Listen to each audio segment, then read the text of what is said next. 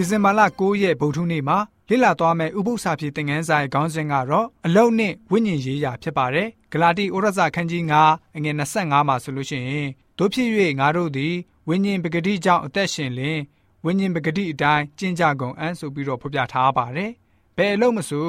ဝိညာဉ်ရေးရာသဘောနဲ့ခွဲခြားထားလို့မရပါဘူး။ခရိယန်ဘာသာဝင်တယောက်ဖြစ်လာမယ်ဆိုရင်ဘဝကိုတီးတန့်ပြောင်းလဲထားလို့မရပါဘူး။ ခရိယန်ဟာအပေါ်ယံဝိယုံခြုံထားခြင်းမျိုးမဟုတ်ပါဘူး။ခရိယန်ဖြစ်လာပြီဆိုရင်လူတူဦးအတွက်အသက်တော်အသက်တာပုံစံကိုချမှတ်ပေးလိုက်တာဖြစ်တဲ့အတွက်ကြောင့်အလုတ်ကင်ပါဝင်လာပါတယ်။ဂလာတိဩရစာခန်းကြီး9အငယ်22ကနေ26ကိုဖတ်ပါမယ်။ဝိညာဉ်ပဂတိဤအကျိုးမူကားချစ်ချင်းဝမ်းမြောက်ခြင်းငြိမ်သက်ခြင်းစိတ်ရှည်ခြင်းကျေးဇူးပြုခြင်းကောင်းမြတ်ခြင်းတစ္ဆာဆောင်ခြင်းနူးညံ့သိမ်မွေ့ခြင်းကာမဂုဏ်ချုပ်တီးခြင်းပေသည်ထို့သောသောအကျင့်ကိုအဘယ်တရားမျှမမြတ်တာ ခရစ်တော်နှင့်ဆက်ဆိုင်သောသူတို့သည်ဇာတိပဂတိကို၎င်းဇာတိပဂတိစိတ်များနှင့်အလိုဆန္ဒများကို၎င်းလက်ဝါးကတိုင်မှာရိုက်ထားကြပြီ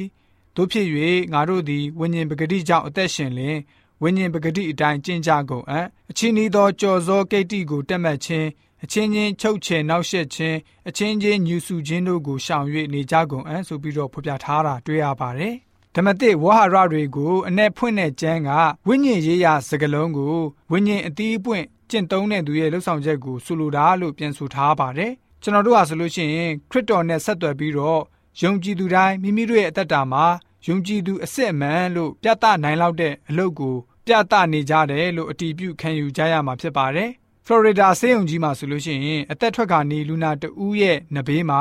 သူ့ရဲ့အရင်နီးဆုံးတငယ်ချင်းကလက်ကိုကင်ထားပြီးတော့ နှစ်သိမ့်ပေးနေပါတယ်။သူနာပြုတွေဟာလူနာရဲ့အခန်းထဲမှာပြရာခက်နေကြပါတယ်။ဝင်လိုက်ထွက်လိုက်ဖြစ်နေကြပါတယ်။လူနာရဲ့လိုအပ်သမျှကိုအစွမ်းကုန်ပြည့်စုံပေးနေပါတယ်။လူနာရဲ့အရင်ဒီဆုံးမိတ်ဆွေကသူနာပြုတွေနဲ့စကားပြောနိုင်ဖို့အခွင့်အရေးရှာပြီးဘယ်တင်နန်းကျောင်းကနေအောင်မြင်လာကြကြောင်းကိုမေးတဲ့အခါမှာအများစုကဖလော်ရီဒါတက္ကသိုလ်ကဖြစ်တဲ့အကြောင်းဖြေကြပါတယ်။သူဟာအသက်လူနေတဲ့သူ့ရဲ့မိတ်ဆွေအတွက်အလွန်ဝမ်းနည်းခဲ့ပါတယ်။နောက်ပိုင်း ဖလော်ရီဒါဆေးရုံကောလိပ်ကျောင်းကိုမကြမကြာတွားရောက်ပြီးလေ့လာသုံးသပ်ခြင်းတွေပြုလုပ်ခဲ့ပါတယ်။ဘာကြောင့်လဲအကြောင်းကတော့သူ့ရဲ့မှတ်ချက်အရ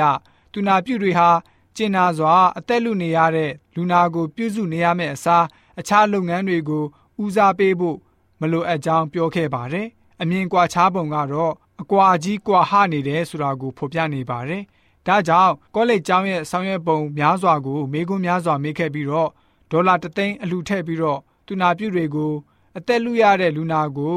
ယူရစွာမေတ္တာပြနိုင်တဲ့တင်နန်းမျိုးကိုပေးဖို့လိုတဲ့အကြောင်းမှတ်ချက်ပေးသွားပါတယ်။ဝိညာဉ်ရေးသဘောရှိခြင်းဟာအသက်တာရဲ့ရှေးရှုရလမ်းပဲဖြစ်ပါတယ်။ဒီတဲ့ကြောင့်ကျွန်တော်တို့ရဲ့ယုံကြည်သူများရဲ့နေ့စဉ်အသက်တာမှာမိမိတို့ရဲ့ဝိညာဉ်ရေးသဘောကိုဘယ်လိုမျိုးဖော်ပြပေးနေသလဲ။ကျွန်တော်တို့ယုံကြည်သူများအနေနဲ့ဝိညာဉ်ရေးသဘောရှိပြီးတော့အကူအညီလိုအပ်နေတဲ့သူတွေကို အမြဲတမ်းကူညီမဆားကြတဲ့ယုံကြည်သူတွေဖြစ်စေဖို့အတွက်ဗုဒ္ဓနေ့ဥပုသ္စာပြေသင်ခန်းစာကဖော်ပြထားပါတယ်။